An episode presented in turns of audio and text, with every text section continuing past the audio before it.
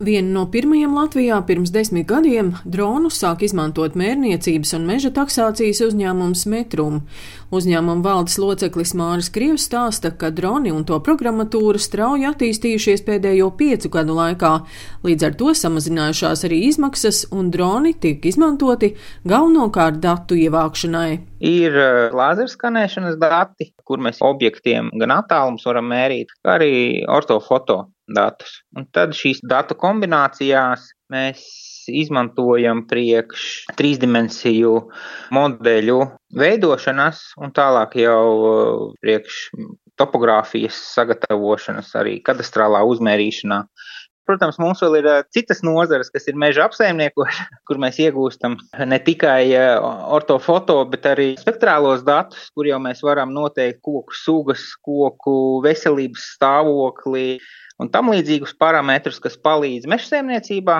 Vēl viena ļoti liela nozare ir lauksaimniecība, kur jau šobrīd arī izmanto kurā vietā vai kādus minerālu mēslus vairāk piebērt.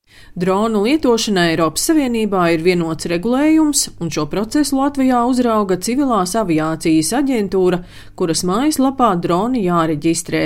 Stāsta aģentūras bezpilota gaisa kuģu lidojumu drošuma nodaļas vadītājs Ilmārs Ozols. Pieregistrējoties, tiek iegūts tā saucamais eh, bezpilota gaisa kuģa sistēma numurs, kuru vienkārši ir eh, jāmarķē drons. Lai pēc tam, ja ir nepieciešams, var atrast, eh, kurai personai šis drons pieder.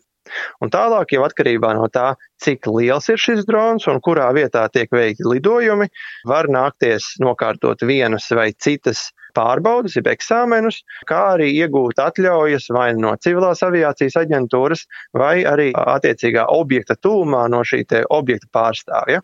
Un tad, attiecīgi, klikšķinot uz katras no zonām, var redzēt, ar ko tie lidojumi ir jāsaskaņo. Ja šādu zonu nav, un cilvēks ir iepazinies ar vispārīgajām prasībām, cik augstu var veikt lidojumu, cik tuvu trešajām personām, un viņš to ievēro, tad uh, nekāda papildu saskaņojuma nav nepieciešami. Savukārt, ja, piemēram, vēlas veikt lidojumus augstāk nekā tas ir atļauts, tuvāk cilvēkiem vai ārpus tiešās redzamības, proti, tad, kad pašu dronu vairs neredz, tad jau ir jāsaņem eksploatācijas atļauja no civilās aviācijas aģentūras, tad ir jāveic riska novērtējums, un tad tas pasākums paliek jau nopietnāks un sarežģītāks. Lauksaimniecībā dronus var izmantot gan meliorācijas sistēmu un augstnes mitrumu uzraudzībai, gan citām vajadzībām. Latvijas Lauksaimniecības Universitātes mācību un pētījumu saimniecības vecauca vadītājs Induls Sieviņš stāsta, ka pērn sākt izmēģinājumi ar dronu izmantošanu, piemēram, augu masas noteikšanā un bioloģisko augu aizsardzības līdzekļu kaitēkļu apkarošanai.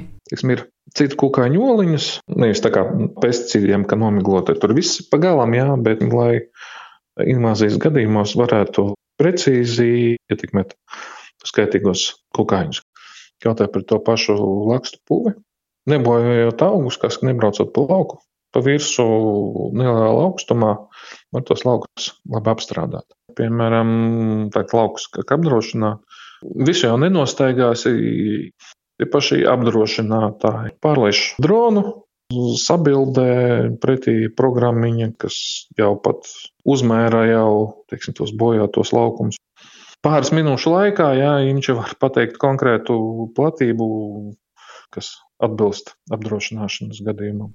Civilās aviācijas aģentūras bezpilota gaisa kuģu lidojuma drošības nodaļas vadītājs Ilmārs Uzols stāsta, ka šobrīd norit darbs, lai samazinātu dronu saskaņošanas laiku, kā arī ar noteiktu regulējumu samazinātu incidentu skaitu gaisā. Ir eh, nesaskaņoti lidojumi lidlauku tūmā, kur tiek radīts vistiešākais apdraudējums piltēm aviācijai. Tātad lidlauki ļoti bīstama vieta. Tad, protams, ir daudz pārkāpumu lietu dažādu militāro objektu tūmā, publiskajos pasākumos, vēlas lidot, filmēt, nesaskaņojot šīs darbības ar organizatoriem.